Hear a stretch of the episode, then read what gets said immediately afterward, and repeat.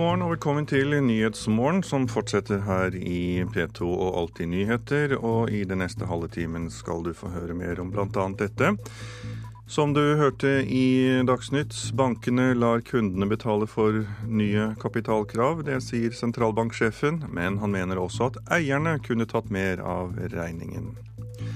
Danmark har den mest ambisiøse energiplanen i Europa, skal du få høre mer om.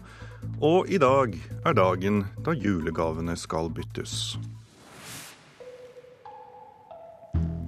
Programleder i dag det er Tor Albert Frøsland.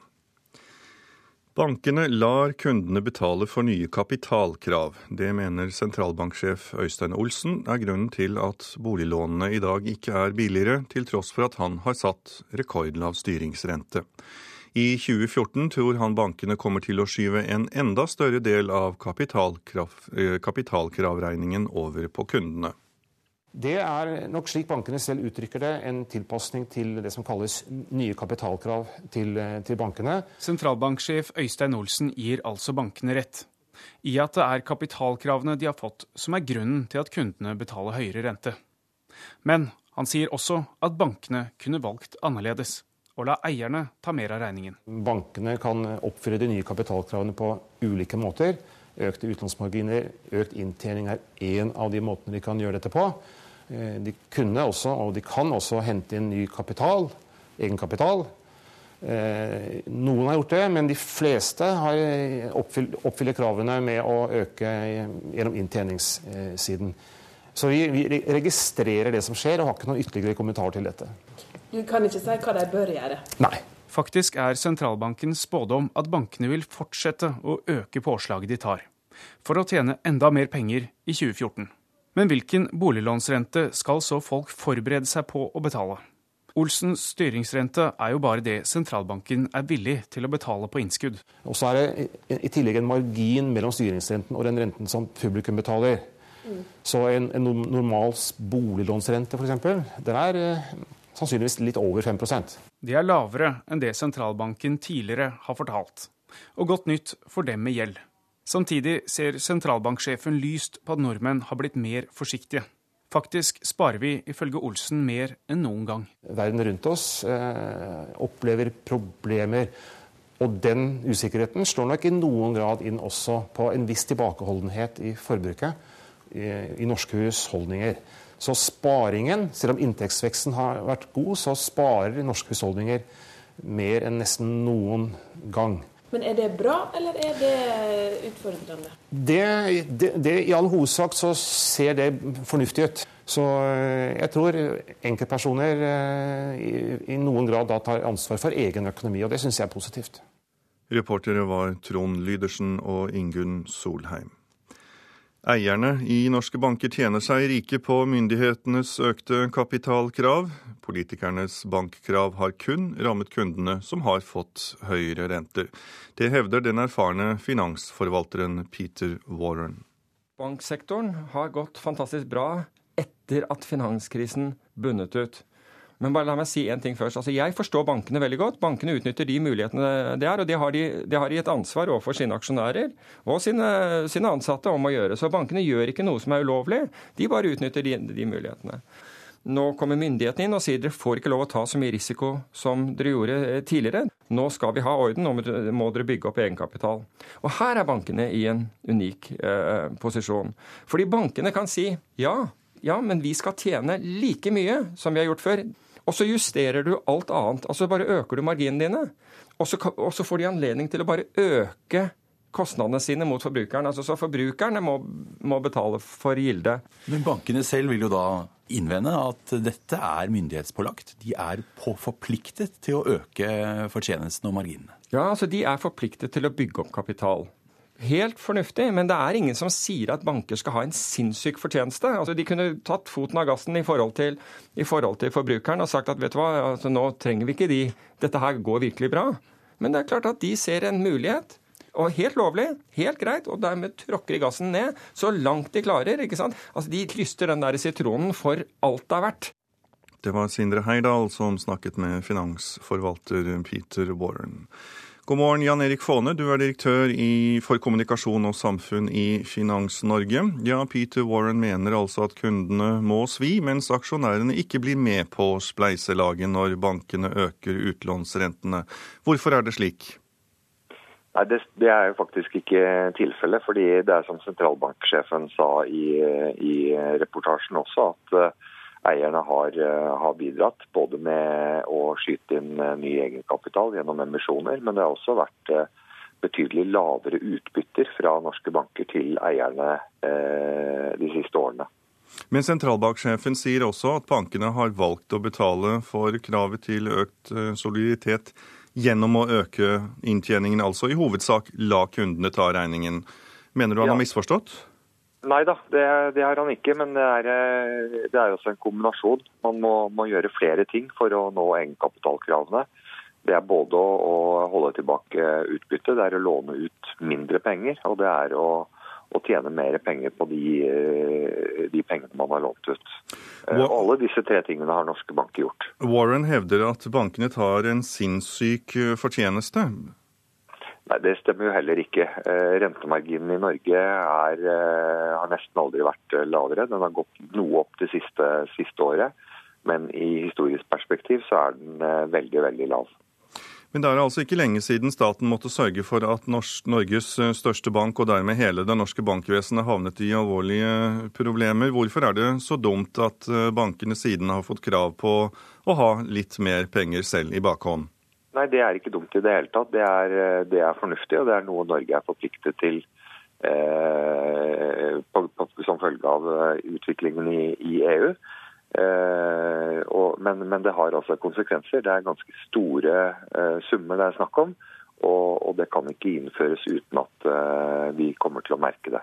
Du mener altså at bankene ikke tar seg for godt betalt her? Nei, altså Man er nødt til å, å, tjene mer penger for å bygge seg opp uh, egenkapital. Så dette er en naturlig konsekvens. Takk skal du ha, direktør for kommunikasjon og samfunn i Finans Norge, Jan Erik Faane. Nå til bilbranner, for disse har økt jevnt de 10-15 siste årene. Forsikringsselskapene må i år ut med nesten 220 millioner kroner i erstatning etter bilbranner. Og i år vil rundt 3600 biler ha brent opp. Det viser beregninger fra forsikringsselskapenes bransjeorganisasjon. En hovedteori er at brannene skyldes stadig mer elektronikk i bilene. Nå vil både brannvesenet, NAF og If Forsikring finne ut mer om årsakene. Brannsjef Jan Røyli i Kristiansand sier de er ute på så mange bilbranner at det er grunn til bekymring det er noe som òg eh, er med på å binde opp vår beredskap, eh, i forhold til kanskje å rykke ut på andre hendelser som eh, gjelder liv og helse. Og, og da er den økninga sånn noe bekymringsverdig. Det er ikke noe klart mønster for brannene. Kanskje en sånn liten økning eh, på vinterstid. Da er det òg som i heimen vår at vi bruker mer effekt eh, i bilen. Eh, og at det kan påvirke her, spesielt i forhold til elektriske komponenter og feil der. Vi må finne årsakene, sier informasjonssjef Jon Berge i If Forsikring. Når en ikke veit årsaken, så kan en heller ikke forebygge. Så det å få til en god dialog med produsenter og verksteder og andre for å finne årsakene, det vil alle tjene på til slutt. I hele landet har det i år vært rundt 3500 bilbranner.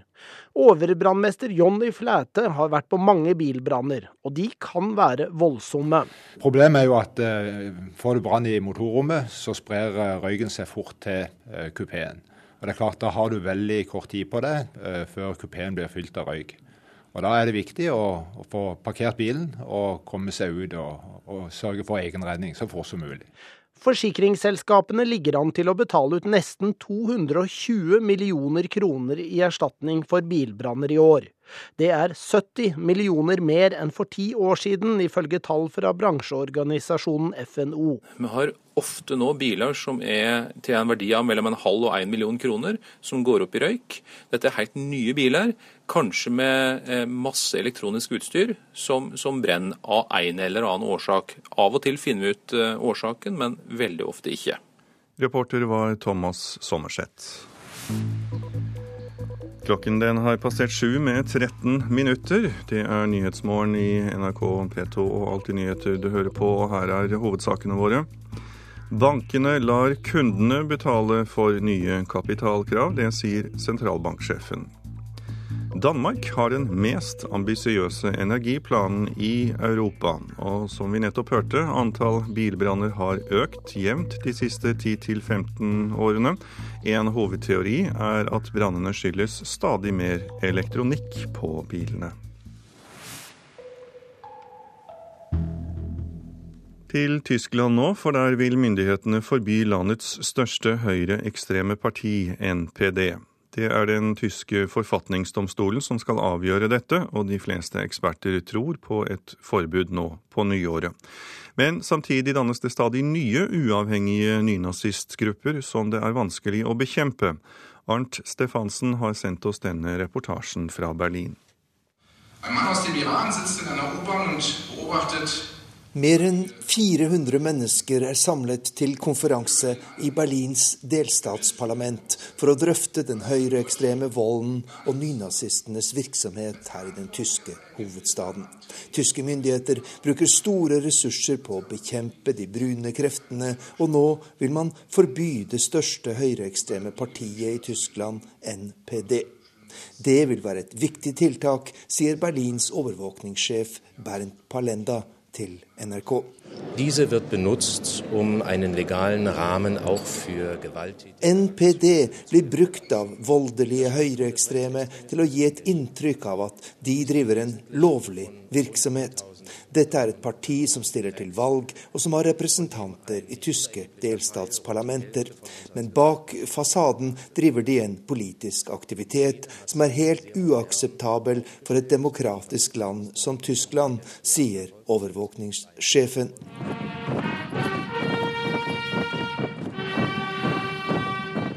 Tyske myndigheter regner med at det finnes rundt 25 000 aktive nynazister i Tyskland i dag.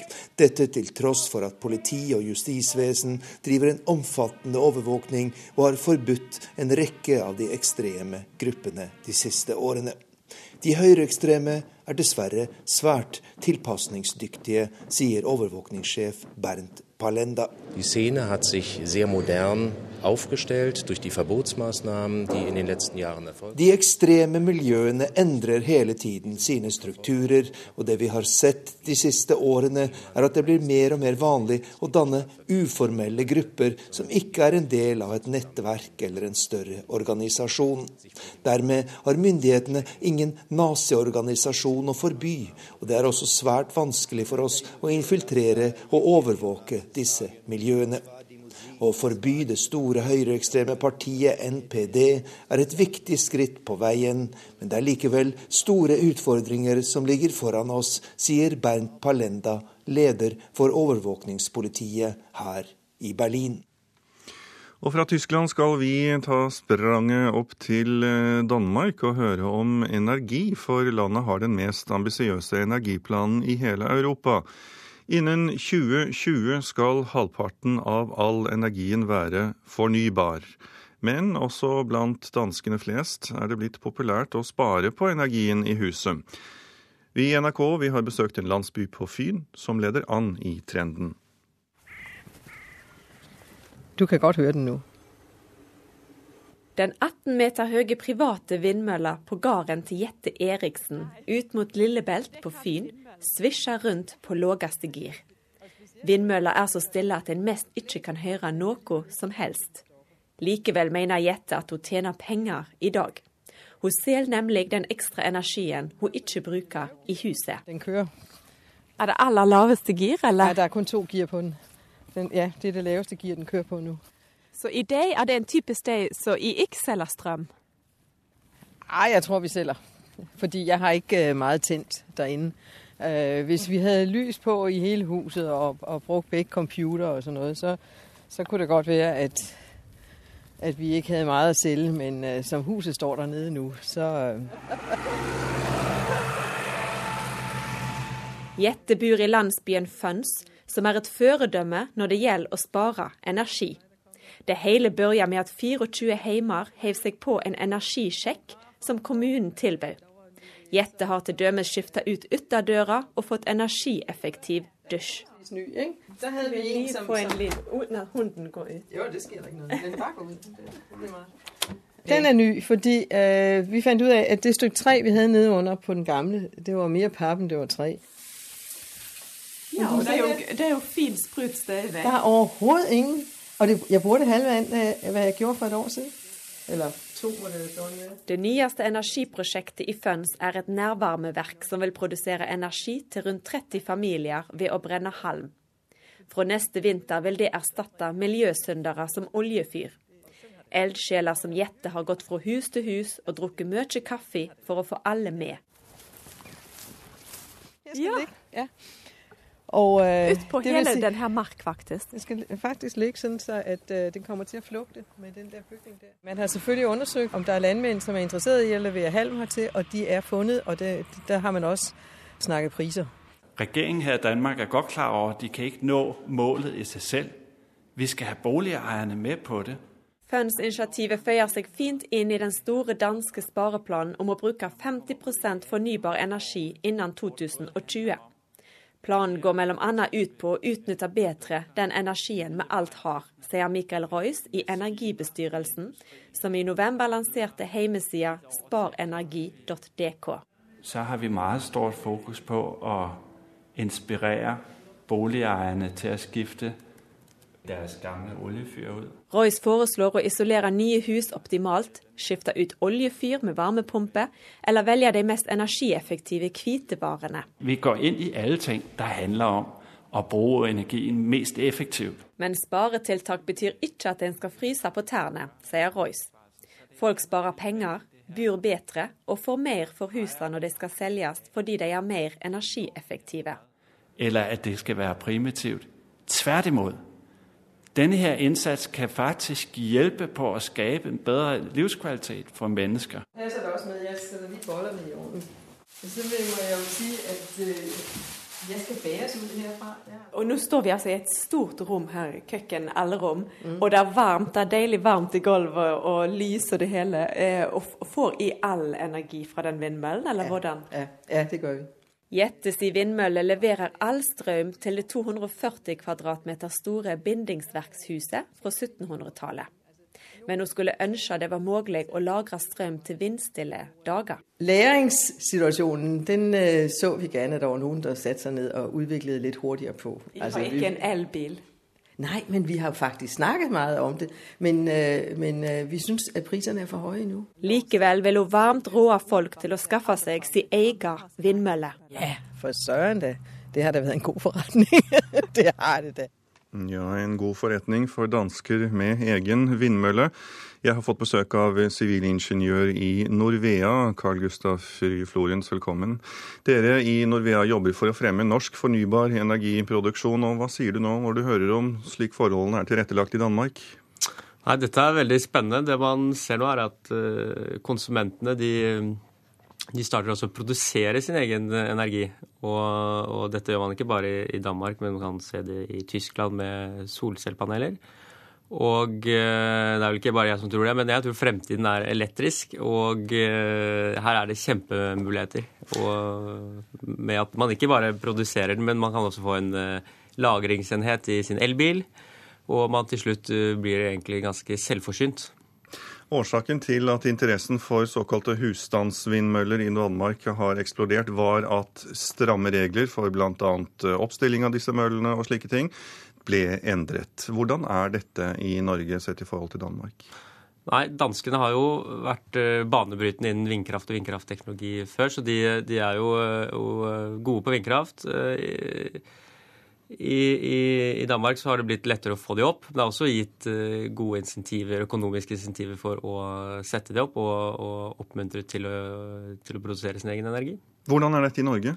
Nei, Vår tidligere bonde, eller han er bonde fortsatt, men tidligere minister, han eh, hjalp jo litt til og gjorde det lettere for småturbiner å bli eh, satt opp. Men eh, man mangler like gode økonomiske vilkår som i Danmark. Og hva er kravene her til lands sett i forhold til Danmark når det gjelder å sette opp private møller? Nei, nå er det sånn at Disse turbinene vi her snakker om, de må man søke til plan- og bygningsloven i, i, kommunen. da. Og man er jo litt, litt redd for det ukjente i Norge. Man, uh, dette vindkraft, dette bråker fælt. Men du hørte her på dette, den sendingen at, at, det bråker jo ikke så mye. Og for en landbrukseiendom så er det jo ikke sånn at naboene nødvendigvis bor helt innpå. Sånn at det skulle vært mye lettere og gått mye raskere for å få satt de opp. Ja, Dette som du nevner, vi er litt redde for det ukjente. Er vindkraft etter hvert eh, så ukjent? Ja, Foreløpig så er det noe litt nytt i Norge. Det er det. Og man ser jo altså at de som får vindkraft eh, innpå seg, de blir mer positive til vindkraft også. Men jeg mener, eh, vi kan vel bare skjele til nå eksempelvis Danmark, da, men også andre land hvor vindkraft har eh, eksistert i, i, flere år. Så så nytt bør det vel kanskje ikke være? Nei da, men vi har, vi har, olje og gassen vår, vi har eh, vannkraften vår. Vi er, vi er veldig fornøyd med det. Og, men vi har så mye ressurser som vi bør ta i bruk. Eh, fornybare ressurser som vi kan eh, høste av. Nå er jo vannkraften også sånn sett fornybar, men vil du si at det er nettopp det at vi har vannkraft og sånn sett billig strøm, hvis vi sammenligner oss med andre land, at dette er hindrene for å søke annen fornybar energi? Ja, Det er helt riktig det at eh, strømprisen i Norge er eh, lav, og den er eh, betydelig lavere enn i Danmark. Som gjør at det er ikke like lønnsomt i Norge å sette opp en slik turbin. Men jeg tror for en nevenyttig bonde, som, som, de fleste er, så er dette muligheter for å, å, å spe på sin egen eh, energi og redusere sin strømregning. Så er det muligheter. Du nevnte bønder tidligere, eh, og der er det heller ikke helt problemfritt for en bonde å sette opp en turbin, som du kaller det da, eller en vindmølle på, på sin bondegård. Eh, hva kan gjøres? Nei, eh, nå er det jo blitt litt lettere å sette opp disse turbinene, men det burde bli enda lettere. Og der er det jo sånn at det er jo den som setter opp, som tar hele kostnaden og hele risikoen med å gjøre det. Så det, han bidrar jo til energi inn i systemet. Så det burde være mye lettere. Og så bør man se litt på om man kan gi noen insentiver til å sette opp dette, fordi strømprisen er såpass lav at man man må være flink for å få dette til å lønne seg. Ja, For foreløpig så lønner det seg ikke? Jo, det kan så vidt gå. Men uh, det er ikke sånn som i Danmark, hvor dette er rimelig, en rimelig god investering. Slik er det ikke foreløpig. Takk skal du ha, sivilingeniør i Norvea, Carl Gustav Frye Florens. Da skal vi titte litt på det som står på de avisene som er kommet ut denne fredagen, på forsidene deres. Dagens Næringsliv kan fortelle at amerikanske flygiganter vil nekte Norwegian fra å fly i USA. Både de store flyselskapene og flygerforeningene forsøker å hindre at Norwegian får flylisens i landet. Aftenposten har historien om to mennesker som har kranglet sammen i 40 år før de fant sammen, og det er statsminister Erna Solberg og finansminister Siv Jensen. Dagbladet forteller oss hvordan vi skal spare på skatten, og viser deg hva du må sjekke før året er omme. VG har intervjuet fire hundreåringer som forteller hva livet har lært dem. Vårt Land har historien om en ung prestesønn som konverterte til katolisismen, og hva det betyr for livet hans. Tidligere SV-leder Kristin Halvorsen kan bli ny ordfører i Oslo. Det mener tidligere SV-leder Stein Ørnhøi. Ørnhøi mener Halvorsen kan bli redningskvinnen ved kommunevalget i 2015, skriver Klassekampen. Lokale markeder blir stadig viktigere, enn det skriver Nasjonen. Butikkomsetningen av lokalmat nærmer seg 3 milliarder kroner, og samtidig styrkes satsingen på lokale markeder. Fedrelandsvennen har historien om Lisbeth Korsmo på 29 som bare skulle krysse veien. Så smalt det midt i gangfeltet. Kvinnen var heldig og overlevde, men over halvparten av fotgjengerne som dør i byer, blir påkjørt i gangfelt. Nordlys skriver om drapet i Tromsø på julaften. En mann i 60-årene var på julebesøk hos sin datter. Nå er datteren og kjæresten siktet for drap.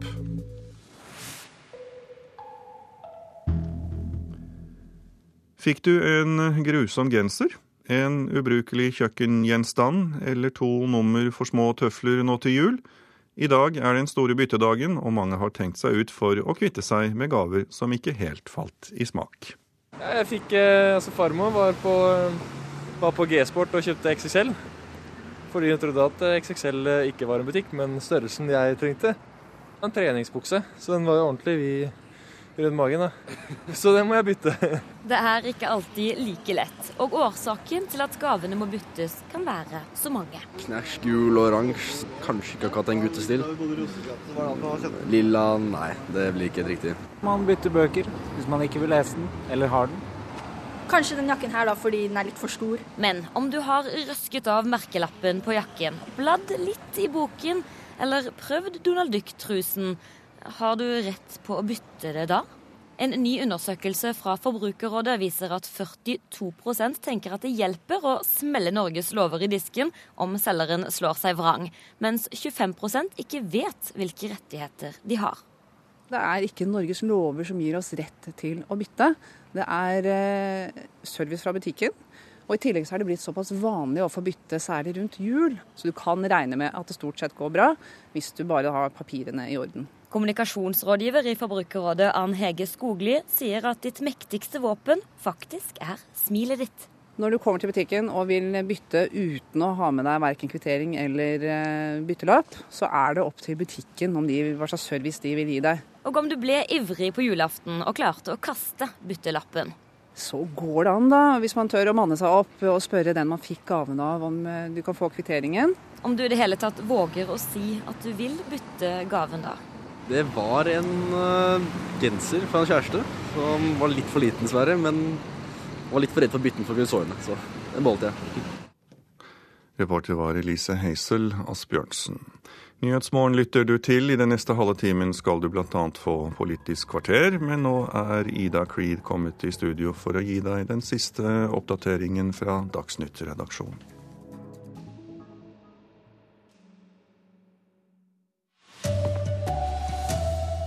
Bankene utnytter kundene sine, mener fondsforvalter. FN lover nå å øke innsatsen i det borgerkrigsherjede Sør-Sudan. Fire av ti tror de har rett til å bytte julegaver, men det har de ikke. Her er NRK Dagsnytt klokken 7.30. Eierne av norske banker tjener seg søkkrike på myndighetenes økte kapitalkrav. Det hevder finansforvalter Peter Warren. Politikernes bankkrav har til nå bare rammet kundene, som har fått høyere renter, sier han så har man hele tiden sagt at eh, det er kundene som må være med på spleiselaget. Men det, jo, det, er jo ingen andre som betaler for dette laget. For alle andre er det en kjempefest. Bankene er pålagt av myndighetene å styrke egenkapitalen, men det er ikke noe krav at bankene skal gå med så enorme overskudd som de nå gjør, mener Warren. Oppgangen for bankaksjer har vært flere ganger større enn for andre aksjer på Oslo Børs, og bankene utnytter nå situasjonen, mener han. Det er lånekundene som får hele kostnaden for de økte egenkapitalkravene, sier Warren. Bankene kan si ja, ja, men vi skal tjene like mye som vi har gjort før. Og så får de anledning til å bare øke kostnadene sine mot forbrukeren. Altså, så forbrukerne må, må betale for gilde. Jan Erik Faane er kommunikasjonsdirektør i finansnæringens organisasjon Finans Norge. Han mener Warren tar feil, og at bankene bare gjør det myndighetene ber dem om. Han er ikke enig i at dette er en fest for eierne. Ja, det må være en forferdelig fest å være på i så fall. fordi det har aldri vært eh, strengere krav som skal innføres over så kort tid for, eh, for norske banker. Det er eh, tre måter bankene kan bygge egenkapital på. Det ene er å holde tilbake utbyttet til eierne og skaffe egenkapital fra eierne. Det andre er å låne ut mindre. Og det tredje er å tjene litt mer på de, penger, de, på de pengene man låner ut. Og alle de tre tingene har norske banker vært nødt til å gjøre. Reporter Alf Hartgen. Bankene kommer til å skyve en enda større del av kapitalkravregningen over på kundene til neste år. Det tror sentralbanksjef Øystein Olsen. At bankene lar kundene betale for de nye kapitalkravene er grunnen til at boliglånene i dag ikke er billigere, til tross for at styringsrenten er rekordlav, sier Olsen. Det er nok slik bankene selv uttrykker det, en tilpasning til det som kalles nye kapitalkrav til, til bankene. Sentralbanksjef Øystein Olsen gir altså bankene rett i at det er kapitalkravene de har fått som er grunnen til at kundene betaler høyere rente. Men han sier også at bankene kunne valgt annerledes og la eierne ta mer av regningen. De kunne også, og de kan også, hente inn ny kapital, egenkapital Noen har gjort det, men de fleste har oppfyller kravene med å øke gjennom inntjeningssiden. Så vi, vi, registrerer det som skjer, og har ikke noen ytterligere kommentar til dette. Du kan ikke si hva de bør gjøre? Nei. Faktisk er sentralbankens spådom at bankene vil fortsette å øke påslaget de tar, for å tjene enda mer penger i 2014. Reportere Trond Lydersen og Ingunn Solheim. Antallet bilbranner har økt jevnt de siste 10-15 årene. Én teori er at dette skyldes mer elektronikk i bilene. Og nå vil både brannvesenet, NAF og If Forsikring finne ut mer om dette. Brannsjef Jan Røylid i Kristiansand sier de kalles ut på så mange bilbranner at det er grunn til bekymring. Det er noe som òg er med på å binde opp vår beredskap, i forhold til kanskje å rykke ut på andre hendelser som gjelder liv og helse. Og, og da er den økninga sånn noe bekymringsverdig. Vi må finne årsakene, sier informasjonssjef Jon Berge i If Forsikring. Når en ikke veit årsaken, så kan en heller ikke forebygge. Så det å få til en god dialog med produsenter og verksteder og andre for å finne årsakene, det vil alle tjene på til slutt. Overbrannmester Jonny Flæte har vært på mange bilbranner, og de kan være voldsomme. Får du brann i motorrommet, så sprer røyken seg fort til kupeen. Og det er klart, Da har du veldig kort tid på det før kupeen blir fylt av røyk. Og Da er det viktig å, å, få parkert bilen og komme seg ut og, og sørge for egen redning så fort som mulig. Forsikringsselskapene ligger an til å betale ut nesten 220 millioner kroner i erstatning for bilbranner i år. Det er 70 millioner mer enn for ti år siden, ifølge tall fra bransjeorganisasjonen FNO. Vi har ofte nå biler som er til en verdi av mellom en halv og en million kroner, som går opp i røyk. Dette er helt nye biler, kanskje med masse elektronisk utstyr som, som brenner av en eller annen årsak. Av og til finner vi ut årsaken, men veldig ofte ikke. Reporter var Thomas Sommerseth. FN sier de vil øke både den militære og den humanitære innsatsen i det borgerkrigsherjede Sør-Sudan. FNs sikkerhetsråd ga i går klarsignal til at FN-styrken kan økes til 13 000 soldater og politi. We are improving um, an increased uh, and rapid redeployment of available Det var en tydelig bekymret FN-utsending Hilde Frafjord Jonsson, som i går kveld snakket med journalister i FN-hovedkvarteret i New York via videolink fra Sør-Sudans hovedstad Juba. Vi venter at de første forsterkningene av FN-styrken i landet kan komme hit allerede lørdag, sa Jonsson, som også gjorde det klart at FN-soldatene og polititroppene har klart mandat til å bruke makt hvis de må forsvare seg selv eller sivilbefolkningen i landet. Den norske FN-utsendingen har i løpet av noen uker sett at verdens yngste stat har forvandlet seg til en etnisk heksegryte, der gamle motsetninger mellom dinka- og nuer-stammene har brutt ut i åpen strid, med president Salva Kiir og tidligere visepresident Riek Mashar på hver sin side av striden. Regjeringsstyrker lojale til president Salva Kiir gjenerobret i julehelgen den strategisk viktige byen Bor. Ute på gatene lå mange døde. Minst 500 mennesker er bekreftet drept i konflikten i Sør-Sudan de siste ukene, men tallet er trolig langt høyere. Sa utenriksmedarbeider Morten Jentoft. De to øverste lederne for kristne og muslimer i Den sentralafrikanske republikk ber FN sende fredsbevarende styrker dit. I en kronikk i den franske avisen Le Monde skriver de at de frykter at landet er dømt til mørke dersom verdenssamfunnet ikke griper inn. Selv om Frankrike og Den afrikanske union allerede har sendt styrker til landet, er det nødvendig med flere soldater, skriver de religiøse lederne. Det er akutt behov for nødhjelp for halvparten av landets befolkning.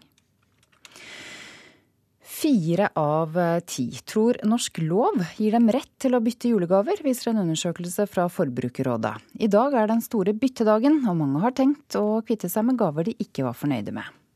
Det blir som regel skjorter, kanskje et par sokker som fatter'n ikke liker så godt. Man bytter bøker hvis man ikke vil lese den, eller har den. Kanskje den jakken her da, fordi den er litt for stor. Men om du har røsket av merkelappen på jakken, bladd litt i boken, eller prøvd Donald Duck-trusen, har du rett på å bytte det da? Det er ikke Norges lover som gir oss rett til å bytte. Det er service fra butikken Kommunikasjonsrådgiver i Forbrukerrådet Ann Hege Skogli sier at ditt mektigste våpen faktisk er smilet ditt. Når du kommer til butikken og vil bytte uten å ha med deg verken kvittering eller eh, byttelapp, så er det opp til butikken om de, hva slags service de vil gi deg. Og da hjelper det alltid godt med et eh, smil på veien. Farmor var på, var på G-sport og kjøpte XXL. Fordi hun trodde at XXL ikke var en butikk, men størrelsen jeg trengte. Så den var jo ordentlig vid rundt magen. Da. Så den må jeg bytte. Reporter Elise Heise og Asbjørnsen.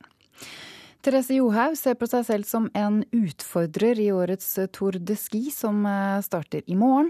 Hun har så stor respekt for landslagsvenninne Marit Bjørgen og fjorårsvinner Justina Kowalczyk at hun ikke tør tenke på seier ennå. Jeg må nok kanskje si at Marit og Justina er kanskje hakket over eh, meg eh, ennå. Det må jeg nok det, så det blir, jeg er nok en liten utfordrer. Forrige sesong ble Therese Johaug nummer to i Tour de Ski etter en formidabel prestasjon i den såkalte monsterbakken på siste etappe. Men avstanden opp til vinneren Justina Kowalczyk fra Polen ble for stor den gang. Selv om hun er den klart beste i motbakker, kan hun ikke stole på at det vil gi henne seier i årets utgave av konkurransen. Det er begrensa hvor mye en kan ta inn på den bakken, og det kommer an på hvor langt en starter bak. og det er seks renn som skal gås før, før bakkeløpet, så det er mye som kan, eh, kan spille. I tillegg til Johaug blir Marit Bjørgen regnet som en sterk utfordrer til Kowalczyk. Hun tror Johaug og Kowalczyk har en klar fordel i årets Tour de Ski. Kowalczyk har jo vunnet Tour de Ski og gått det mange ganger. Therese har gått det mange ganger. Jeg har eh, gått det ett år de siste tre-fire åra. Så det er klart, eh, de har jo mye mer erfaring for det. Men alle tre har potensial til å, å vinne Tour de Ski. Reporter her var Geir Elle. Det er Sven Gullvåg som eh, er ansvarlig for Dagsnytt-sendingene denne morgenen. Frode Thorshaug er teknisk ansvarlig. Jeg heter Ida Creed.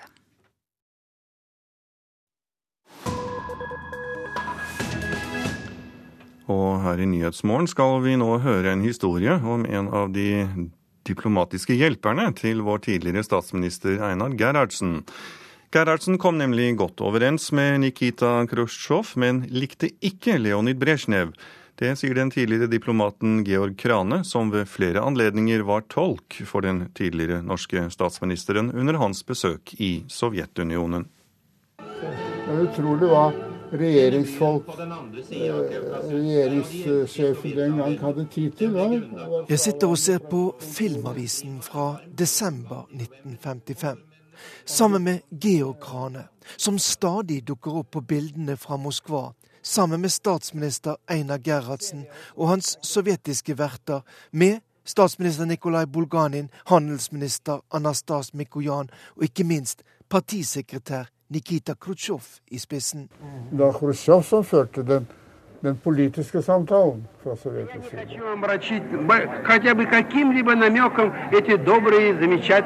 Vårt forhold til Norge er så godt at vi vil ikke kaste noe som helst skygge over det med noe som helst hentydning. Dette er et unikt opptak fra en mottakelse på den norske ambassaden i Moskva under statsminister Einar Gerhardsens besøk i november 1955. Og det er den da 29 år gamle Georg Krane som tolker for partisekretær Nikita Khrusjtsjov. Georg Kranes eget liv er som en roman, født i det daværende Leningrad i 1926. Hans mor Tamara gikk på 1930-tallet inn i et forhold med Einar Krane, som arbeidet ved den norske legasjonen i Moskva. Etter morens død ble han adoptert av sin norske stefar, og kom til Norge, der han på begynnelsen av 1950-tallet startet sin karriere i det norske utenriksdepartementet. Med russisk som morsmål skulle Georg Krane bli en nyttig mann, ikke minst at statsminister Einar Gerhardsen etter Stalins død i 1953 åpnet opp for en tilnærming til Sovjetunionen og den nye sterke mannen der, Nikita Khrusjtsjov. Men hvordan var, det å, to, hvordan var det å tolke Khrusjtsjov? Jo, det var, det var ikke lett, men han var jo så fargerik og, og treffsikker i sinne at, at, at, det var lett å få, å få formidlet det han hadde å si. Men av og til måtte jeg liksom, når jeg hadde mot til det, da, heve armene og prøve å stoppe ham. For jeg, jeg, så jeg sa bare at jeg er klar. Og da stoppet han.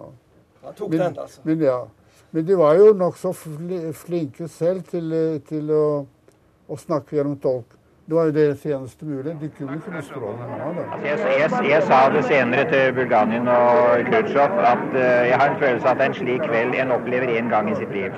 Einar Gerhardsen hadde vært i Moskva før, som ung sosialist og deltaker på Kominterns andre kongress i 1920. I Norge var det mange som var skeptisk til hans tilnærming overfor det som var hovedfienden under den kalde krigen, Sovjetunionen. Partileder Khrusjtsjov tok Gerhardsen med til Bolsjoj-teatret i Moskva, der han fikk se den store ballettstjernen Maja Plesetskaja, men også oppleve plutselig å få et tilbud om partisamarbeid mellom Arbeiderpartiet og det sovjetiske kommunistpartiet i hende. En politisk nøtt som Georg Krane ble nødt til å håndtere der og da.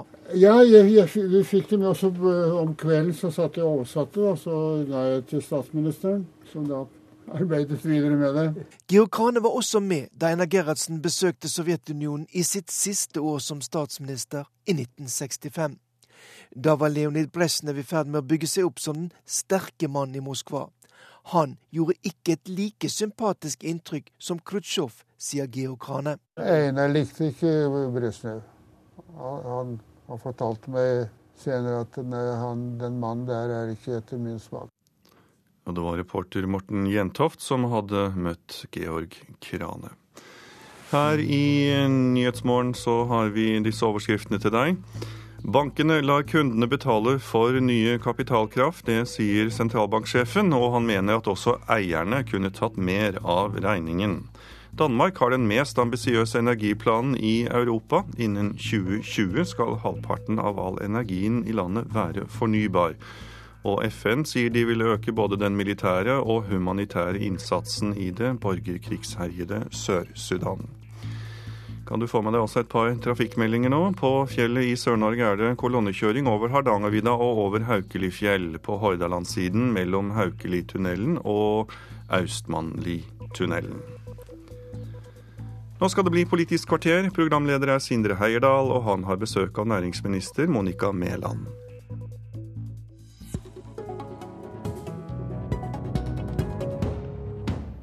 Velkommen til Politisk kvarter, Monica Mæland. Takk. Hvordan har dine ti første uker som næringsminister vært? Ja, De har vært som en virvelvind. Jeg tror aldri jeg har opplevd noen uker som har gått fortere, og som har medført en ganske bratt læringskurve. Jeg kom jo da fra lokalpolitikken i Bergen 16.10, og har brukt ukene på å møte veldig mange nye mennesker, sette meg inn i mange saker, og reise mye rundt både i inn- og utland. Hva har overrasket deg mest som statsråd hittil? Jeg tror nok at for meg personlig så er den største overraskelsen å gå fra noe du kan ganske mye om etter ti år, til noe du ikke kan så mye om. Og det å akseptere at man ikke kan så mye, og akseptere at det er mye nytt å sette seg inn i, det har vært en veldig brå overgang. Men egentlig så er det jo sånn at hver dag har vært en stor overraskelse. Både i, ja, i saker man har ansvar for, og mennesker man møter. Det å ha ansvar for romforskning var f.eks. ikke noe jeg tenkte nøye gjennom når telefonen kom fra statsministeren. Og så har du også gått da fra å lede et byråd til å bli en av mange statsråder. Er det frustrerende hvor lang tid ting tar i en regjering? Nei, jeg har jo ikke opplevd at ting har tatt veldig lang tid. Det første vi gjorde, var å sette i gang arbeidet med et nytt budsjett. Det brukte vi bare noen dager på. Så er det nok slik at vi i det offentlige har noen krevende prosesser innimellom. Det kan være irriterende, og det er gode grunner for å korte ned der man kan. Forenkle der man kan. Det er regjeringens mål.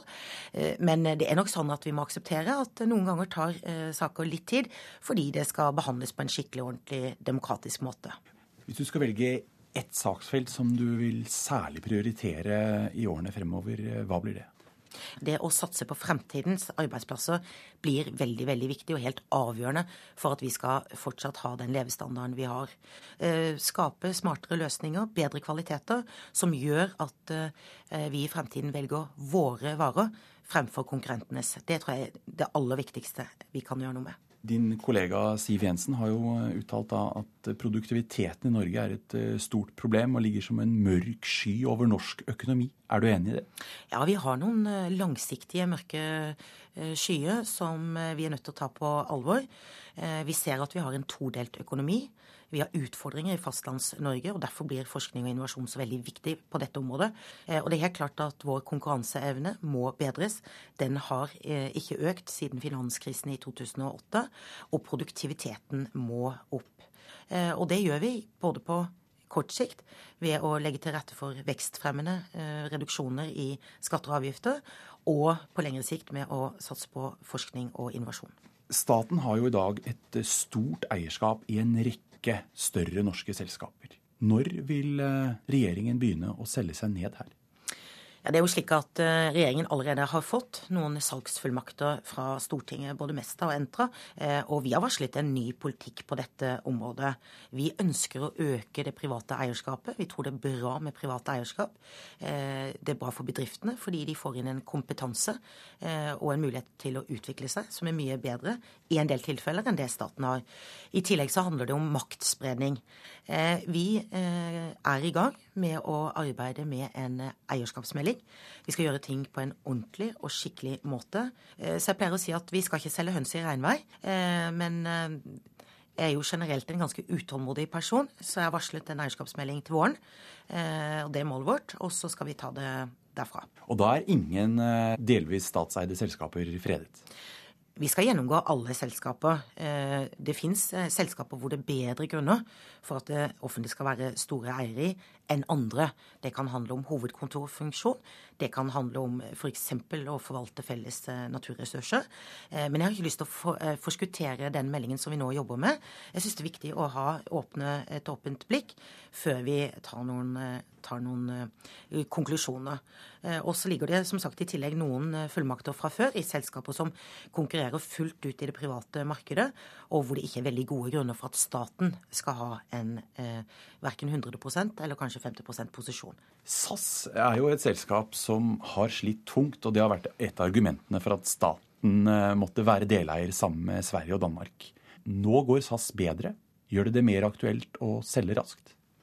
Vi har en salgsfullmakt fra Stortinget til SAS.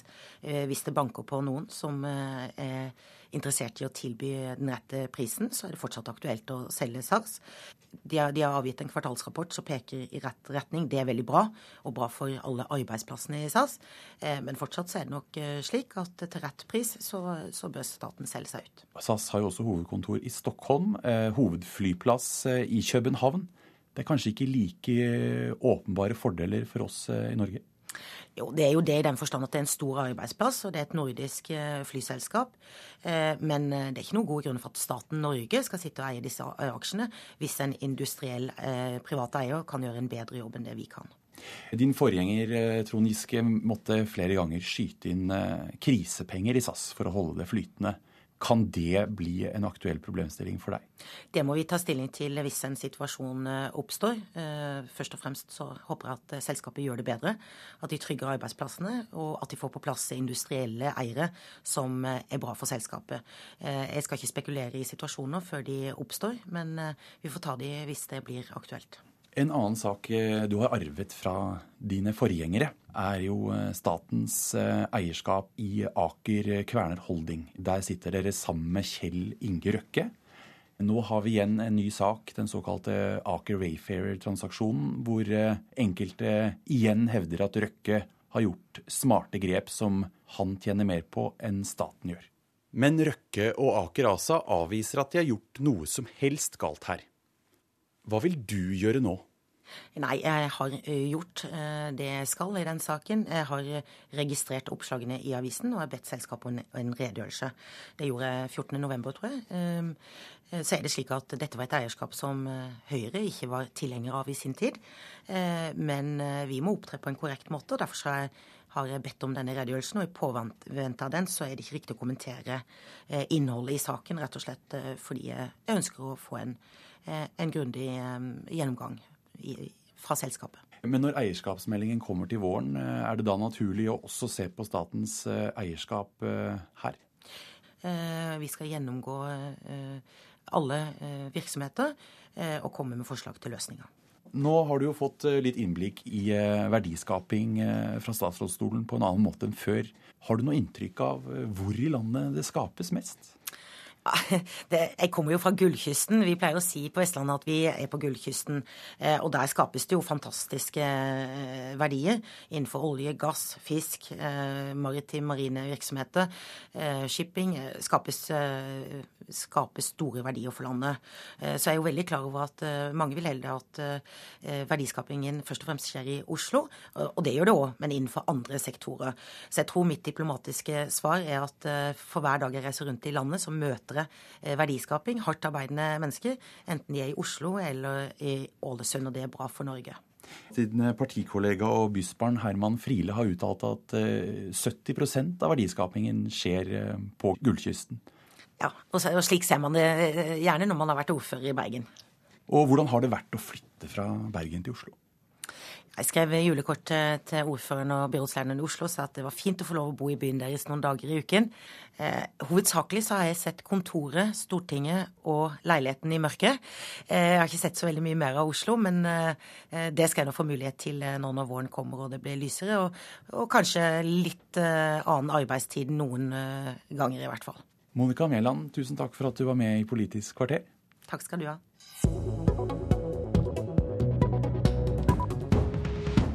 Peter Warren, velkommen til Politisk kvarter. Tusen takk.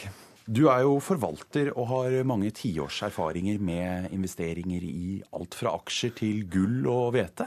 Hvordan tror du norsk økonomi nå blir neste år? Jeg tror at norsk økonomi kommer til å utvikle seg relativt bra. Det ligger jo selvfølgelig utfordringer allerede i eh, verdensøkonomien som er ganske svak. Men vi har for første gang på ganske lang tid det vi kaller synkronisert vekst. Med andre ord at det vokser i alle regioner. Så sånn sett er det bra, men det er svak vekst. Når det gjelder eh, norske aksjer, så er det kanskje særlig én bransje som har hatt en fin opptur i år. Men det mener vel du kanskje er av litt feil eh, grunner? Ja, altså Banksektoren har jo gått fantastisk bra. Og banksektoren har gått fantastisk bra etter at finanskrisen bunnet ut. Men bare la meg si en ting først. Altså, Jeg forstår bankene veldig godt. Bankene utnytter de mulighetene det er, og det har de, det har et ansvar overfor sine aksjonærer og sine, sine, ansatte om å gjøre. Så bankene gjør ikke noe som er ulovlig, de bare utnytter de, de mulighetene. Nå kommer myndighetene inn og sier dere får ikke lov å ta så mye risiko som dere gjorde eh, tidligere. Det, det, er helt uaktuelt at dere har 50 ganger belåning av egenkapital. Det betyr at det skal være en bitte liten nedgang til, så er, så er egenkapitalen tapt. Det får dere ikke lov å drive med. Dere får ikke lov å drive med disse ekstremt eh, spekulative tingene som dere har gjort før. Nå skal vi ha orden, nå må dere bygge opp egenkapital. Og her er bankene i en unik eh, posisjon. Fordi bankene kan si ja, ja, men vi skal tjene like mye som vi har gjort før. Og så justerer du alt annet. Altså bare øker du marginene dine. Og så, får de anledning til å bare øke kostnadene sine mot forbrukeren. Altså, så forbrukerne må, må betale for gilde. Enkelt, da, så har DNB steget 600, nesten 650% siden bunnen, altså siden finanskrisen var på det verste.